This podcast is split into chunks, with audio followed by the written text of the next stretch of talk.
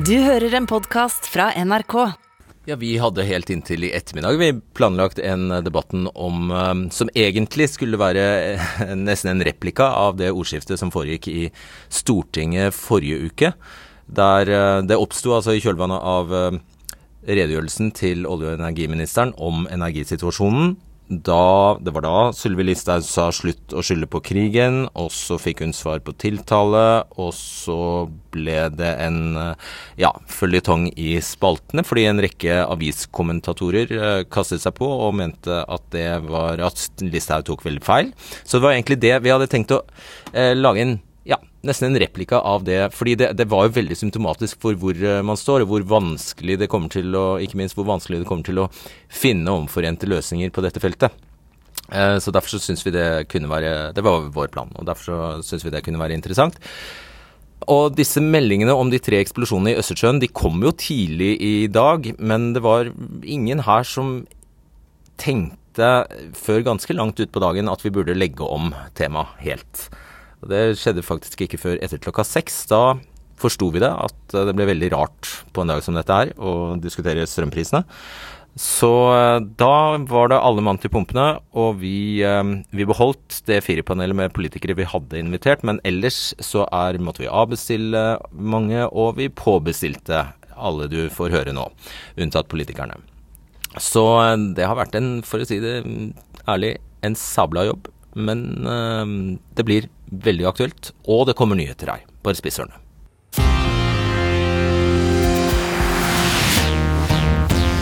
Det er tre svære hull i gassrørledningene Nord Stream 1 og 2 i Østersjøen. Det er en villet handling, sier Danmarks statsminister Mette Fredriksen i kveld. Det er trolig sabotasje, sier Sveriges statsminister Magdalene Andersson. Og rundt Norge har vi 9000 km med gassrørledninger. Velkommen til debatten. Så hva er det vi står overfor her? God kveld, Geir Hågen Karlsen. Og Anders Romarheim. Ja, nå kaller Ukraina det et terrorangrep. Polen skylder på Russland. Hva er det vi vet så langt? Ja, vi vet jo at det har vært eh, eksplosjoner, for det er fanget opp av seismiske stasjoner. Og vi vet at det er tre store lekkasjer. Eh, det er nesten usannsynlig at det er andre ting, som at anker eller fartøyer har kommet borti det på noen måte. Eh, og da tyder jo alt på at det er mennesker som står bak. Vi vet jo ikke hvem det er. Men det er jo ingen tvil om hvor alle tror pilene peker henne. Det må man jo ta et lite forbehold om inntil etterretningstjenester og sikkerhetstjenester har fått lov til å etterforske saken. Kan det være andre enn Russland? Det ser jeg ut som den lista der kommer til å bli veldig kort. Men hvorfor sprenge sin egen gassrørledning?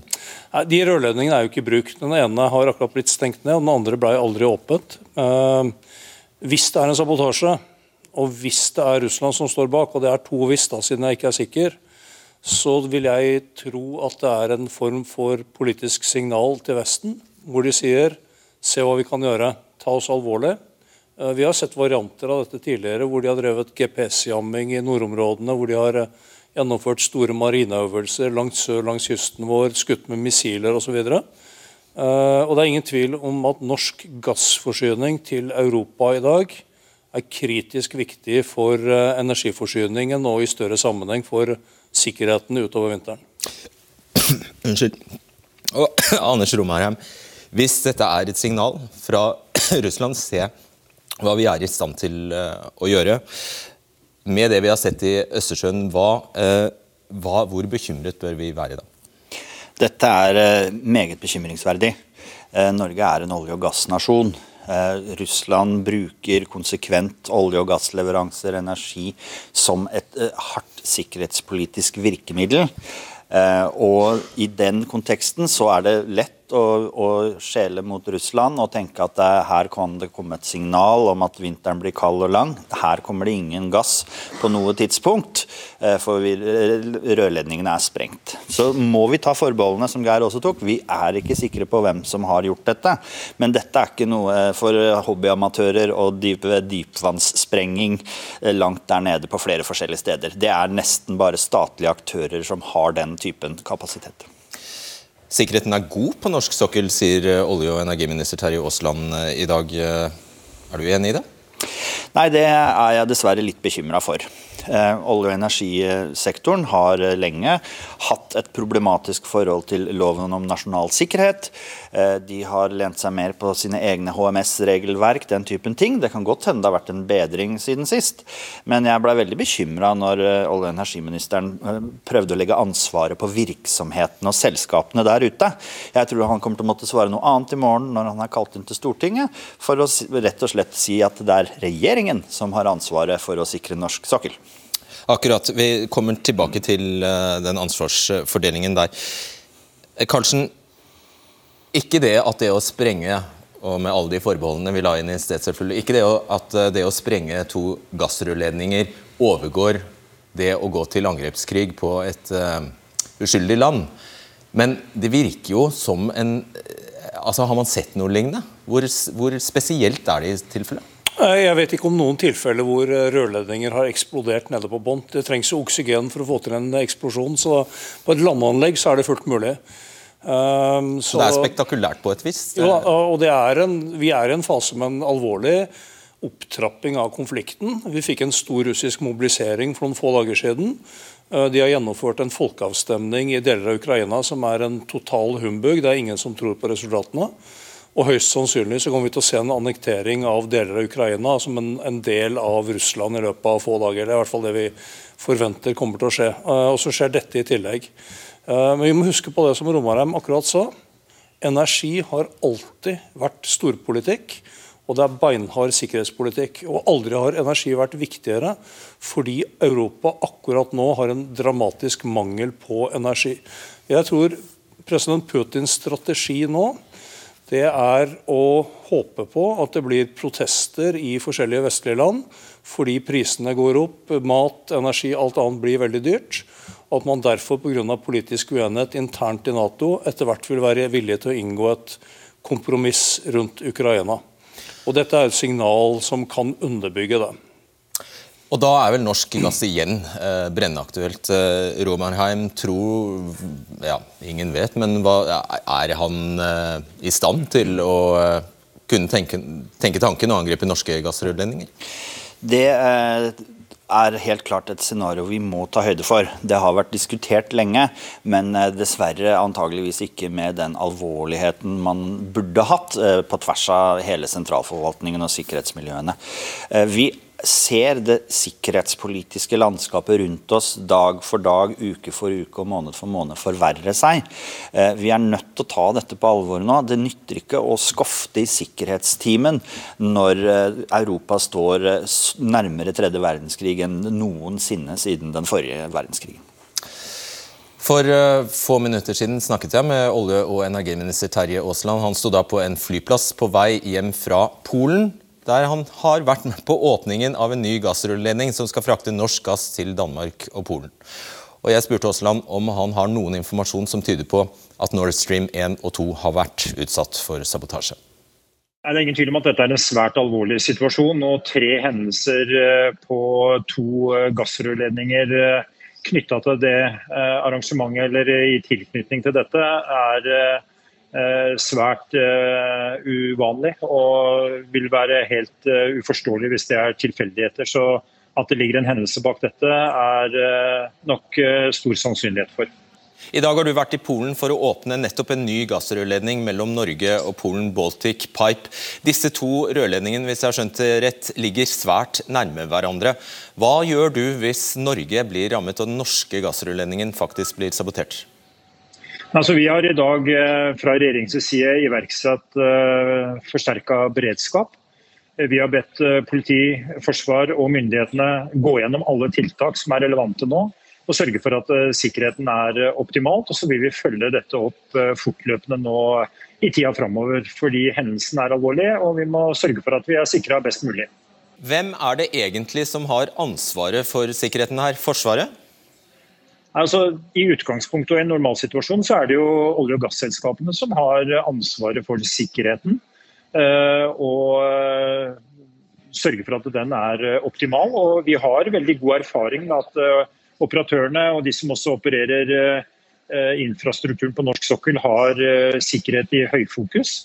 Men nå er vi inne i en helt spesiell situasjon hvor vi ser den hendelsen i, i Østersjøen. og Det er viktig at vi nå går gjennom alle mulige tiltak og iverksetter eventuelt ytterligere tiltak, nettopp for å være sikre på at eh, vi har gjort eh, det som er optimalt i den situasjonen vi nå befinner oss i. Og Hva innebærer det? Skal Forsvaret settes inn? Som sagt, Det er for tidlig å si noe konkret om hvilke tiltak som må iverksettes. Vi har bedt nå politiet, forsvar og myndighetene sammen med, med operatørene på norsk sokkel om å gå gjennom eh, sikkerhetssituasjonen en gang til og sørge for at den eh, får opp tiltak som gjør at vi er eh, godt nok sikra i den situasjonen vi er inne i. Jeg ser du høster noe kritikk for nettopp å ha sagt dette her at gasselskapene har et selvstendig ansvar for å håndtere sikkerheten på sokkelen og stabiliteten og forutsigbarheten i gassleveransene. Noen innvender at Equinor kan jo ikke senke en båt hvis de ser et mistenkelig fartøy i norske farvann. Nei, og det er klart Vi skal ha stor sikkerhet i norske farvann, og vi skal sørge for at uønska hendelser eh, ikke oppstår. Og Derfor har vi også i dag iverksatt eh, forsterka beredskap og eh, kommer til å gå gjennom alle tiltak som det er behov for å iverksette for å være så godt sikra som mulig. Hva vet du om disse dronene som skal være, være observert? Nei, Det er en melding som har kommet til Petroleumstilsynet. og Petroleumstilsynet har gjort som de skal gjøre. Eh, og varsla eh, politiet om å etterforske de hendelsene knytta til de dronene som er eh, observert. Opposisjonen etterlyser en informasjon og en redegjørelse for Stortinget. Hva gjør du med det? Nei, vi har i dag kontakt med utenriks- og forsvarskomiteen på Stortinget. og Tanken er nå at vi holder en redegjørelse i den utvida utenriks- og forsvarskomiteen i, i morgen ettermiddag. Bør nordmenn være bekymret? Nei, I utgangspunktet så lever vi i et veldig trygt land, men situasjonen eh, nå eh, i det som har skjedd knytta til Nord Stream 1 og Nord Stream 2, er jo selvfølgelig eh, veldig alvorlig. Eh, og er eh, hendelser som eh, etter, etter, stor sannsynlighet er sabotasje. og det er klart det skal vi håndtere med største varsomhet. Så, hvis det er snakk om sabotasje, og det er Russland som står bak, vil debatten rundt energisikkerhet i Europa få helt nye dimensjoner. Det er det statlige Gassco som har ansvaret for de 900 milene med norske gassrørledninger. Så vi sier god kveld til systemansvarlig i Gassco, Alfred Skaar Hansen. Og velkommen til gassanalytiker i Rysta Energy, Nikoline Bromander.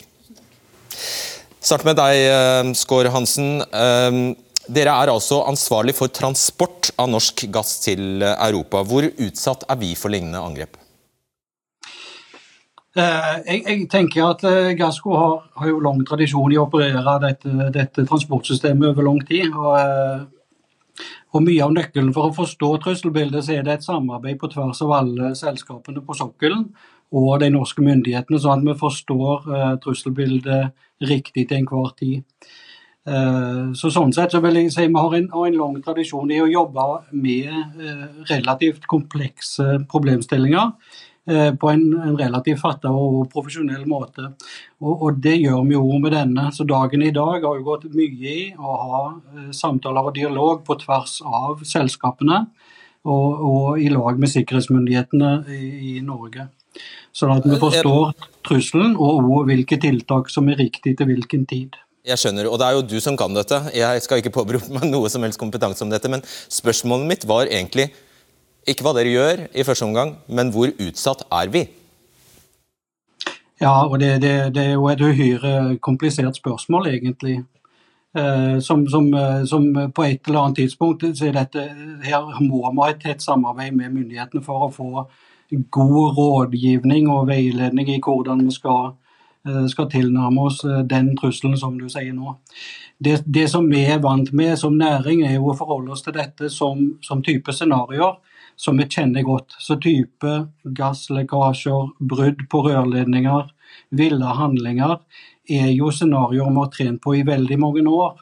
Og vi er veldig trent på hvordan skal vi detektere slik, slike hendelser, og hvordan skal vi håndtere de, og hvordan skal vi reparere de. Men hva, hva, hva, betyr det siste du sa? Betyr det, Er dere forberedt på eksplosjoner av gassrørledninger? Ja, eksplosjoner er litt, sånn, eh, litt, litt rare begreper for oss. fordi, fordi vi vil jo eh, vil først og fremst kunne detektere eh, potensielle lekkasjer på våre rørledninger. Det er 9000 km på norsk sokkel. som, som produserer eller transporterer gass fra norsk sokkel til Europa. I dette systemet så har vi til enhver tid veldig god kontroll på trykk og temperatur i hele systemet, og kan ut ifra det detektere eventuelle uh, hendelser. Men er disse 900 milene med gassrørledninger er de sikret? Ja, det, det er jo det, det, det, er jo litt hvordan jeg spør. fordi det, det, vi tenker på, er jo først og fremst må vi sikre mot de handlingene som vi kjenner til, som er mulige, som kan skje. Her vet vi at det er mulig å sprenge dem. Så er vi sikret mot det? Det, det, er helt klart opplagt mulig å gjøre skade på våre rør, hvis det er det som er spørsmålet. Er uh, har dere gjort noe ekstraordinært siden krigen brøt ut i Ukraina? Ja, absolutt. Eh, vi har jo hatt eh, tett dialog med, med norske myndigheter på hva som er riktig tiltaksnivå, både på sikring og på, på type vedlikehold, ettersyn. Eh, inspeksjoner osv. Ok. Nikoline Bromander, velkommen til deg. Du er altså gassanalytiker i Rysta Energy. Eh, la oss se på et kart her. Hvilken infrastruktur er det som er rammet av disse tre eksplosjonene? da? Ja, Som nevnt tidligere her, så er det jo, det er jo disse Nord Stream-rørledningene, både 1 og 2, som er rammet. Uh, Nord Stream 2, uh, som skulle vært operativ i 2021, uh, ble det jo satt en full stoppe for allerede ved starten av innovasjonen. Eh, så Man ser jo et kart her som viser de to rørledningene og hvor skadene har skjedd. Så Det er jo nær eh, øyen Bornholm. Eh, og så ser man jo også den baltiske rørledningen som krysser Nord Stream-rørledningene her.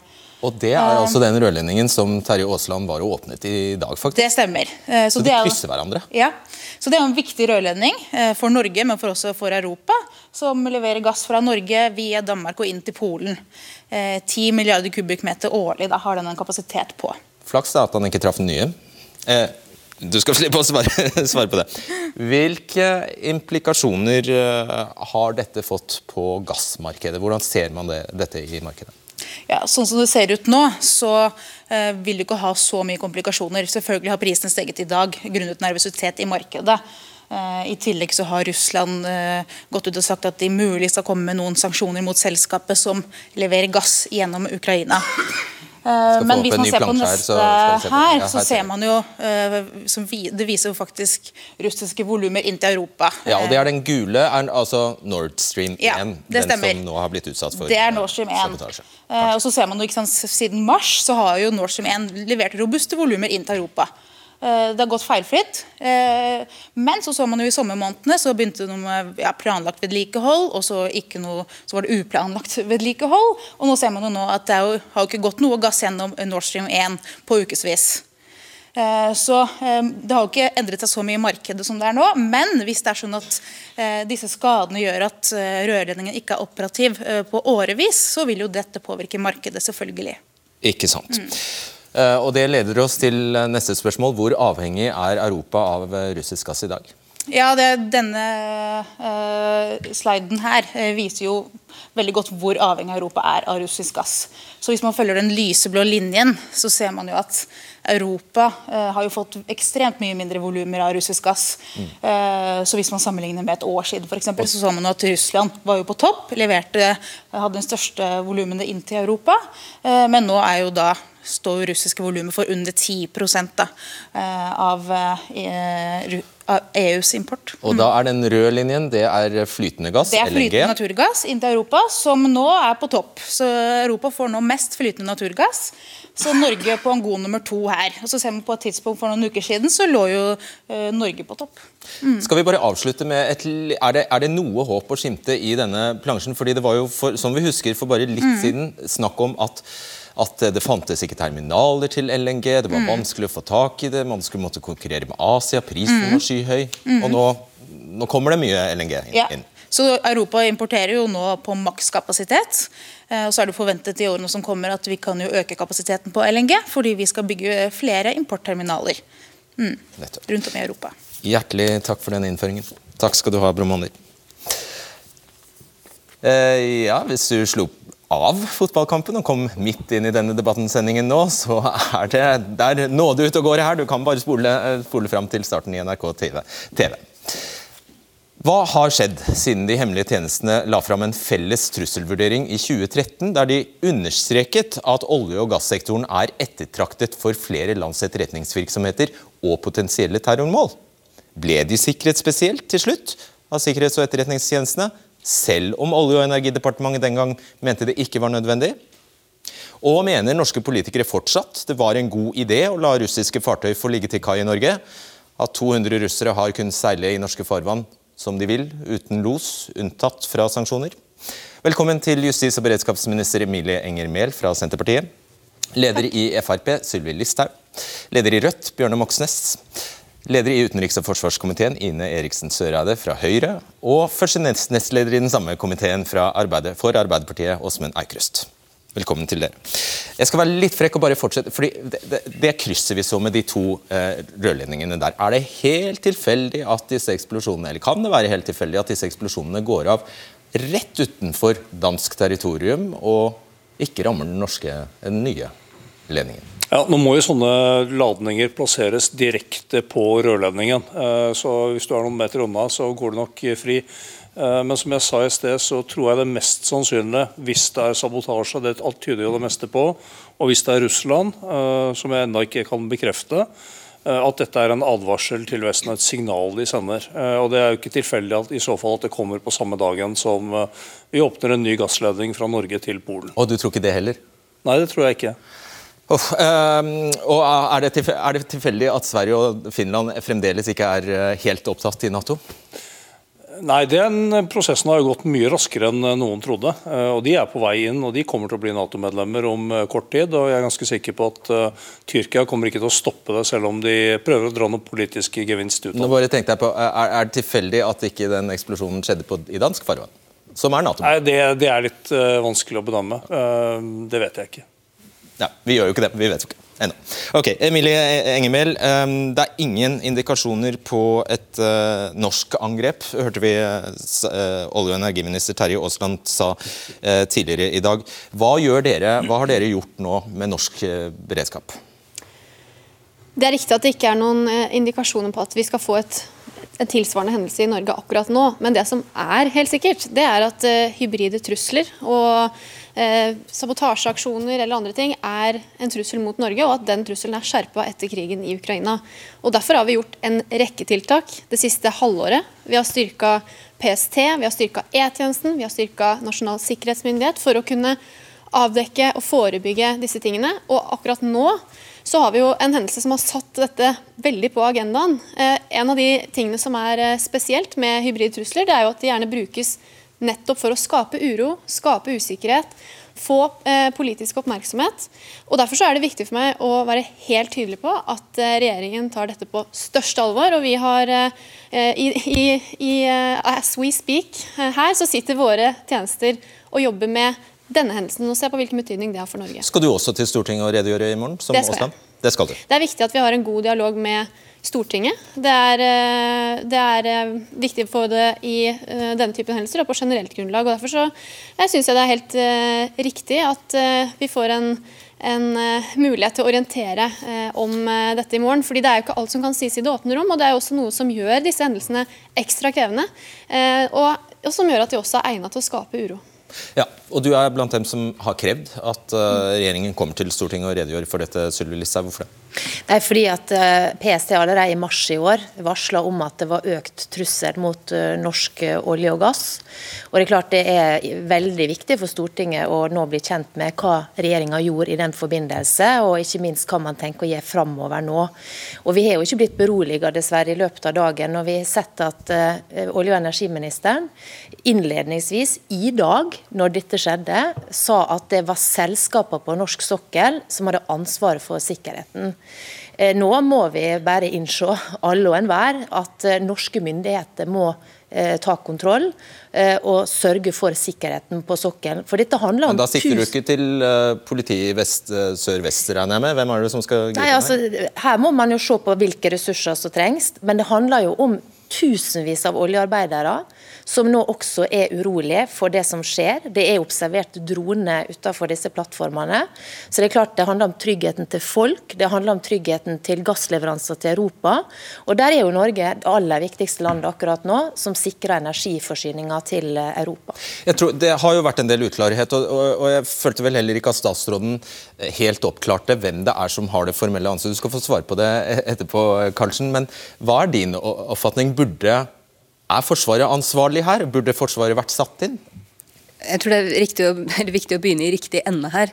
Eh, dette er jo en alvorlig opptrapping og eskalering av den krigen Europa nå står midt oppi. og Uten at vi nå veit med sikkerhet hvem som står bak, så er det nokså åpenbart at dette ser ut til å være et sabotasjeangrep.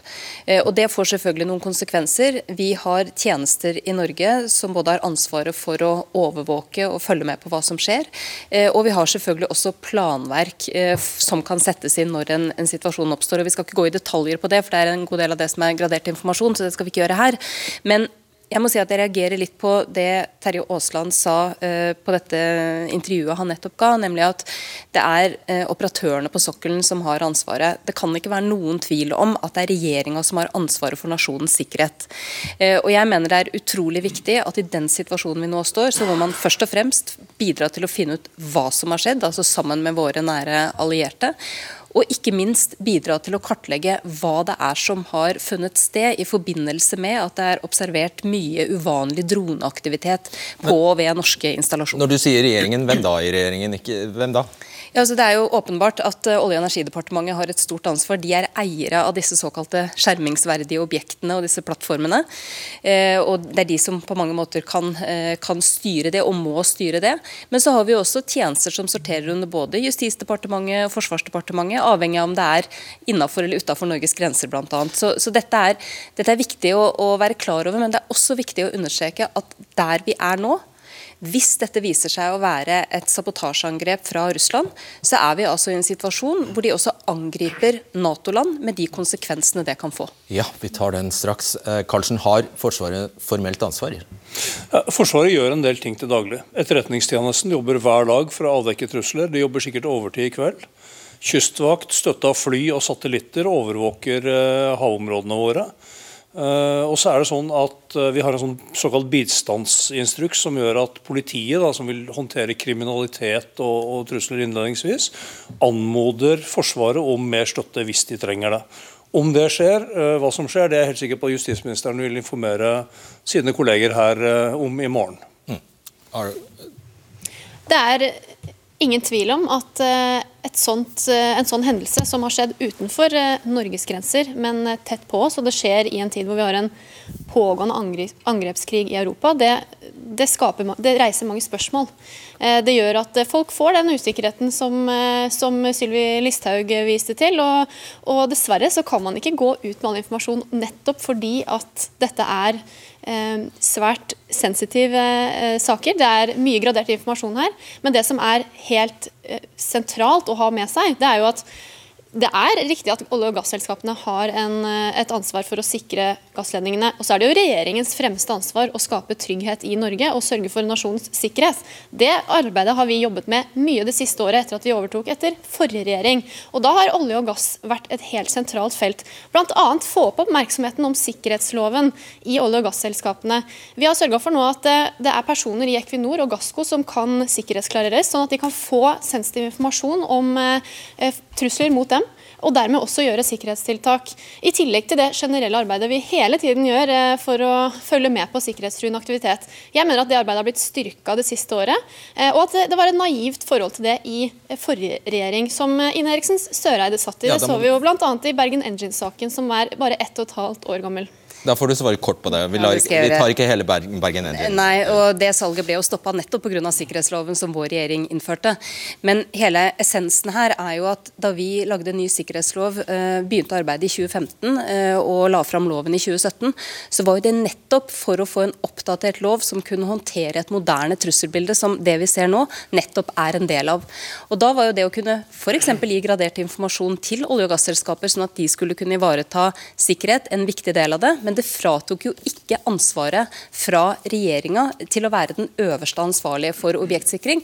Og Det har vi jo til og med hatt høringer i Stortinget på. og Der har jo andre partier vært veldig aktive, så jeg syns det er veldig rart nå å høre olje- og energiministeren egentlig fraskrive seg ansvaret og legge det over på selskapene. Han er, han er ikke her, så derfor kan du få svare Åsmund Aukrust, på det. Det gjør ikke olje- og energiministeren. Olje- og energiministeren er tydelig på hva slags ansvar selskapene har. De har ansvar for sikkerheten til sine ansatte på jobb hver eneste dag. Men olje- og energiministeren og hele regjeringa sier jo selvsagt at eh, nasjonens sikkerhet er det til sjuende og sist regjeringa som har ansvaret for. Sånn er det i et politisk system. Så Det er klart det er jo ingen oppgave som er viktigere for Norge enn å trygge oss sjøl. Eh, og Det er det vi holder på med akkurat nå. Justisministeren gjorde jo rede for hvordan vi nå arbeider med å heve beredskapen, eller gå gjennom vår egen beredskap. Eh, og så er vi selvsagt nå i veldig tett kontakt med våre to nærmeste naboer. Ja, Det kommer meldinger i, akkurat nå. Uh, skal ikke si as we speak, men da jeg gjorde det. Nærmest. om at uh, Sverige og Finlands ja. regjeringer har vært i kontakt med Nato. Absolutt. Og, har dere det? Uh, det tror jeg andre enn meg må svare på. Jeg ser justisministeren ja, nikker. Men, Nikk hvis ja. Vi har et, et, veldig tett samarbeid med våre allierte. og I denne hendelsen så har jo våre tjenester både samarbeid med hverandre, altså PST som har ansvar for innenlandssikkerhet, jobber sammen med E-tjenesten som har ansvar for sikkerheten ja. utenlands. Og de jobber jo med sine søstertjenester i andre nordiske land. Absolutt. og det er klart, Nå må vi holde kontakt med hverandre. Eh, og Det er klart det, det viser veldig tydelig igjen, og vi vet jo veldig godt, det er at vi nå har en fullskala krig midt på det europeiske kontinentet. Det angår først og fremst ukrainerne, hvor det er tusenvis av mennesker som har mista livet. Men det angår også oss. Derfor må vi investere mer i vår felles beredskap. og Det viser jo bare viktigheten av at vi har et kollektivt forsvar. Og jeg tror svenske politikere akkurat nå er veldig glad for at de søkte Nato-medlemskap og tok den historiske avgjørelsen de gjorde i våres. Og jeg er jo veldig glad for at Norge med fler, et enormt stort flertall, alle med unntak av Rødt, sto bak den avgjørelsen og ønska våre svenske naboer velkommen under vår felles beskyttelse. Bjørnar eh, Moxnes, leder i Rødt, hvordan reagerer du hvis dette er en russisk sabotasjehandling? Hva sier du da? Nei, Da er det jo ekstremt alvorlig, eh, og en opptrapping eh, av krigen mot Europa, mot også andre land i Europa. Og noe som Norge må ta på det dypeste alvor. Og så har vi jo hatt en gjennomgang i Stortinget eh, for et par år tilbake av Riksrevisjonens rapport eh, om objektsikring. Det var en rapport som eh, for å si det litt pent, ikke hadde mye pent å si om objektsikringa i Norge. Og hvor også det kom fram at departementet som har ansvaret for olje- og gassinstallasjonene, ikke hadde pekt ut noen skjermingsverdige objekter. Og Det kalte jo da Arbeiderpartiet for en skandale den gangen, og det var nok med rette. Eh, og lærdommen derfra er jo at eh, vi må ta med på alvor eh, sikring av objekter, også olje- og gassinstallasjonene våre. Og sørge for at vi har en beredskap, også på egne bein, som både kan, kan, overvåke, kan oppdage trusler, også hybride trusler, og at vi kan håndtere det effektivt. Og Der har det vært det har vært store mangler. Det har vært påpekt av Riksrevisjonen, av kontrollkomiteen i Stortinget. Jeg håper at eh, alle partier eh, ønsker å styrke dette framover, for å unngå at vi havner i samme situasjon eh, som Riksrevisjonen altså avdekka for kun fire år tilbake. Nettopp. Kort, Romer ja, Sikkerhetsloven ble jo oppdatert og, og gjort en revisjon av. og objektsikkerhet eh, var en av de viktigste grunnene til at man gjorde det. Det har vært eh, en hodepine. Det er vanskelig å sikre ting ute på sokkelen. Eh, det foregår ikke i et politidistrikt, det foregår ikke i en kommune. Politiet kan ikke komme seg dit på noen meningsfull, enkel måte. Så det er et krevende oppdrag, og et oppdrag som Forsvarets spesialkommando bl.a. har stått sentralt i å, å løse når krisen virkelig treffer der ute. Ja, så Det var rene ord for penga, egentlig, det vi hørte fra Gassco her i sted. At det er faktisk ikke mulig å sikre de 900 milene. Med Nei, Det tror jeg ikke er mulig, men man kan gjøre mer. Og man ser en historikk fra, fra olje- og energisektoren på at de ikke har tatt dette alvorlig nok ved å unndra seg selv sikkerhetsloven, for å si det enkelt. Nettopp. Eh, Erik Hattrem, du har bred erfaring som journalist, var med på oppstarten av nettstedet aldrimer.no etter den russiske annekteringen av Krim i 2014. Et mulig angrep på eh, gassrørledningene i eh, Østersjøen. altså Sverige og Danmark setter krisestab og engasjerer eh, Forsvaret. og Samtidig har du observert russiske fartøy på havna i Molde over, lengre tid. Hvilken sammenheng kan det være her?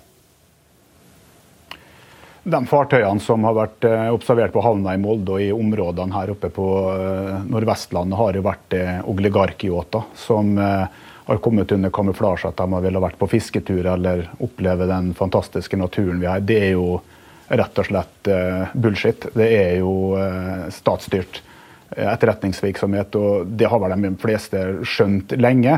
Men en del politikere har tydeligvis ikke ønska å skjønne det. De har vært veldig trassige og på trass ikke ønska å ta det her på alvor. Og vi ser jo nå den situasjonen vi står i i dag, at ja, den kartlegginga har vært der tror vi får veldig kjeft nå hvis du ikke legger fram noe som ligner et bevis her? En trenger jo eh, ikke legge frem bevis på at russisk etterretning foregår i Norge. Det sier jo PST i sin åpne trusselvurdering hvert eneste år. Og eh, det at de reiser rundt og gjør den kartlegginga de gjør, det gjør de jo ikke bare for at de ikke har noe annet å, å gjøre på. Og Bevisene er det ikke som eh, eventuelt må legge fram. Da får heller norske myndigheter motbevise mine påstander. Ja. Hva er det du mener du ser på disse uh, uh, Ta den, en av de jottene vi så i bildet her. Hva, hva, de, de, de, har stor aktivitet, de farter mye, og det er en presenning involvert. vet jeg. For eksempel. Ja, Det er jo nesten mer spennende å, å, snakke om hva vi ikke ser. fordi at uh, Det kommunikasjonsutstyret som er på Elden-yachten, det er ganske avansert. og Når du ser på mannskapet som er om bord, de har jo også sett bare på noen meters avstand og følt godt med på dem. Det er jo ikke ordinære sjøfolk i den forstand. Du ser at det er folk med forbandstrening, bl.a. blant annet. Jeg skal ikke bruke noe tid på å gå inn på det her, men det du ikke ser, det supply-skipet, det at de har ligget der fem meter ifra Ikke fem meter, bokstavelig talt, men rett i nærheten av Nyhavna, der eh, infrastruktur som el-kommunikasjon og gass krysser hverandre. Eh, ved et anlegg som eksporterer gass for oppimot en milliard i døgnet, 20-25 forbruk av eh, gass i Storbritannia, at de er der og fisker med merkelige fiskesnører, det det bør si sitt. Ja, og Dette er altså Ormen Lange i landføringsanlegget i Aukra vi snakker om her.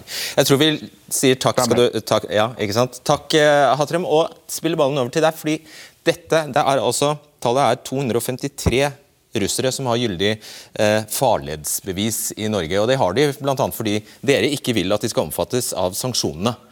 Hvis dette er en av de som altså bruker disse, eh, denne adgangen til, til å ja, ferdes i norske farvann uten, uten los til å spionere, da har man vel virkelig trådt i baret? Ja, vi har jo ikke sagt at vi mener de ikke skal omfattes av sanksjonene. Da må du heller spørre regjeringspartiene. Jeg trodde dere var med på det. Nei, men det som, det som, har vært et vesentlig poeng for oss når regjeringa valgte å innføre et unntak fra havneforbudet, og har begrunna det eh, med fiskerisamarbeidet, det er for så vidt en begrunnelse vi har respekt for, så har vi jo da spurt hvilken kontroll regjeringa fører med de fartøyene som faktisk anløper.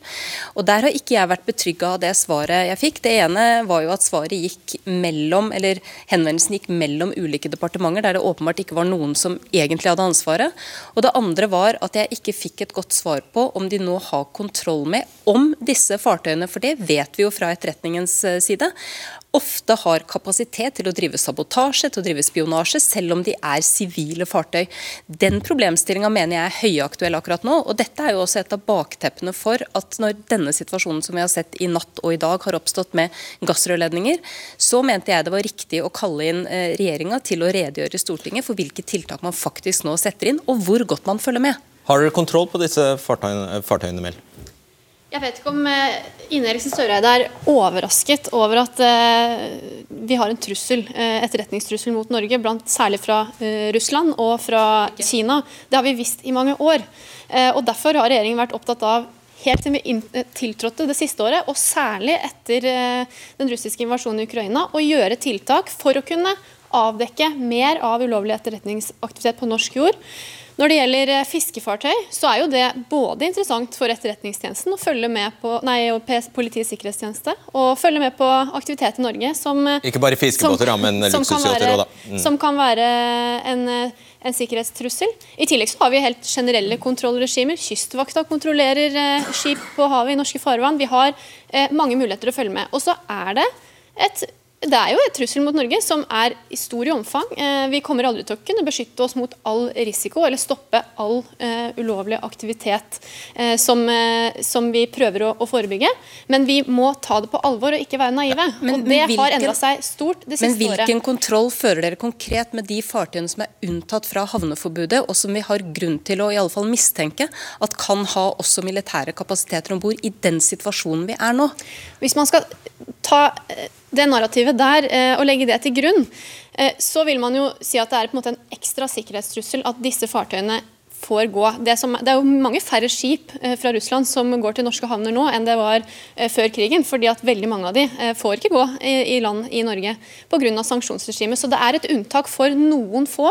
Og vi har kontrollregimer, både generelle kontrollregimer knytta til fiskeri og, og, og, fartøy på sjøen, som fiskeri- og havbruksministeren har ansvar for. I tillegg så har vi heldigvis gode tjenester som jobber forebyggende med dette. Og Grunnen til at jeg tok opp Bergen Engine-saken i stad, ja. det er jo fordi at det var ett og et halvt år siden en situasjon hvor det var eh, russiske eierinteresser som prøvde å kjøpe en fabrikk med, som produserte maskiner som ville være sentrale for det russiske forsvaret å få tak i. Og Det, det ville ikke regjeringen stoppe først. Jo, det var det ja, vi, vi tar ikke den der, og Til slutt så, så, tok de til fornuft, men det var en lang prosess ja. i Stortinget, og det var et viktig kursendring. Lisse. Jeg har forståelse for at man ikke kan gå i detalj her på hvordan man jobber i norsk etterretningstjeneste. Det tror jeg befolkningen også skal være glad for at man ikke gjør. Men det jeg forventer er at Stortinget nå får grundig informasjon eh, om disse spørsmålene knytta til fiskebåter, om hva han har tenkt å gjøre framover på norsk sokkel, hva man har gjort så langt. Og Det som bekymra meg litt, det var når olje- og energiministeren også sa at det var for tidlig å si hvilke tiltak man skal sette inn. Og Da lurer jeg jo på hvordan man har jobba med dette her siden mars, når de første advarslene kom. Er, er det nå man våkner? Har man venta nå et halvt år før man setter i gang å jobbe mot trusler som har vært der da over tid. Det bekymrer meg. Men jeg håper å få gode svar eh, på møtet i morgen. Du skal for så vidt få svare med Karlsen, eh, på, som Aaslands sendebud i kveld du skal, ja, Bare vent litt. Så Karlsen først. Ja, vi har en storkrig i Europa nå. Norsk gassforsyning er sannsynligvis det største og mest strategisk viktige sabotasjemålet i hele Europa akkurat nå. Det kan gjøres på mange måter. Dykkere, eh, ubåter, ubemannede fartøy eller for den saks skyld cyberangrep mot landeinstallasjoner. Eh, den trusselen tror jeg vi skal ta veldig alvorlig. og Hvis det skulle skje, så står vi overfor en svært alvorlig opptrapping av konflikten. Det er den utfordringen vi står overfor. Og den er ganske stor, den utfordringen. Er den presserende? Er den akutt? Ja, Det har vel hele debatten i dag vist veldig tydelig. Ja, Vi må jo bare være ærlige og si at vi står i en veldig alvorlig situasjon. Og det er klart De meldingene vi har fått gjennom hele dagen, og som kanskje har gått gjennom mens vi står her i debatten her, viser jo at situasjonen endrer seg fra, nærmest fra time til time. Derfor så er det jo veldig viktig at situasjonen må hele tida følges. Og Sylvi Listhaug, Det er jo ikke riktig at regjeringa ikke har gjort noe siden mars. Dette er den viktigste saken som regjeringa har holdt på med siden mars. har vært å sikre Norge i en situasjon hvor det er krig i Europa. Men det er klart når vi da har sannsynligvis sabotasje i våre to nærmeste naboland, så må vi igjen se på om det er ting vi kan gjøre enda bedre. Eh, om det er nye sikringstiltak vi må gjøre. Eh, når, og når det gjelder eh, fiskefartøy, så har vi vært veldig opptatt av at eh, Norge ikke skal være noen frihavn. Det er det ingen grunn til å tro at Norge har vært. Men også det er noe som vi hele tida må følge nøye og evaluere om vi står riktig der vi står, etter hvor krigen er i Europa. Moxnes.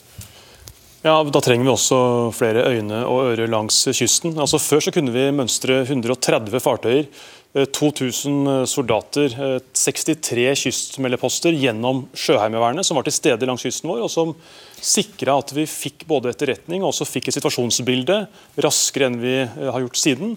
Det kosta det 80 millioner kroner i året å opprettholde. og jeg tror at Et godt lavterskeltiltak for å få bedre situasjonsbeskrivelse og også få mer kontroll langs kysten, kan være å gjenopprette dette, her, som er et eh, billig tiltak, men som sannsynligvis vil eh, gjøre det lettere for myndighetene også å følge med Og vite om det er noe som det er grunn til å følge ekstra med på eller ikke, det kan ikke erstattes bare av droner, men man trenger også folk på bakken og langs kysten som kan ivareta sikkerhet og beredskap eh, på en bedre måte enn vi gjør i dag. Jeg lurer på, Hvis det skulle bli så ille at en norsk gassrørledning eller en gass- eller oljeinstallasjon på land eller eh, offshore blir utsatt for eh, sabotasje, angrep, hva vil Nato bli involvert da? Det er et godt spørsmål. Ehm, jeg tror vi skal eh, si at krenkelse av territoriell integritet, alt området som er Nato-territorium, forsvarer Nato. Eh, og det er i utgangspunktet mest mot uh, strategisk overfall, altså soldater som kommer og gjør uh, krenkelser av vår suverenitet og territorielle integritet. Et stort sabotasjeangrep kan oppleves som det, men det er ikke nødvendig å definere det som det, så det blir en form for politisk prosess. Og Det som er skummelt med det, er at vi har egentlig aldri fått noen fasit på det. Vi, det. vi, beveger oss inn i ukjent farvann. Og det er alltid ubekvemt når det gjelder selve ankerfestet til norsk sikkerhet, eh, artikkel 5 i Nato-pakten. Du får avslutte for oss. Eh, energi er helt avgjørende for Europa akkurat nå. Et større angrep på norsk energiforsyning til Europa vil uten tvil i dagens politiske situasjon bli ansett som et angrep på hele Europa. Hva, Hva svaret på det skal være, eh, tror jeg skal sies som amerikanske presidenter bruker å si. Uh, det vil komme et rimelig svar uh, der det passer oss og når det passer oss. Noe får du vite, og noe får du ikke vite om. Men det må ikke, det må ikke innebære fullskala krig? Nei, overhodet ikke. Og Litt av poenget her er at du skal tilpasse svaret til omfanget og typen angrep. Og så skal du ikke fortelle motstanderen hva du har tenkt å gjøre, sånn at de kan drive og kalkulere hvordan de skal operere. Ok. Takk skal dere ha. Takk for at du så debatten. Ja, det sukket jeg har her på slutten, det var veldig ektefølt. Det, uff, det, er, det er dystert, dette her. Veldig mørkt. Så vi får jo bare alle krysse fingre, altså. Mer uh, oppløftende enn det tror jeg ikke at jeg greier å få det. Takk for at du hører debatten på podkast, og så høres vi. Ha det. Du har hørt en podkast fra NRK. De nyeste episodene hører du først i appen NRK Radio.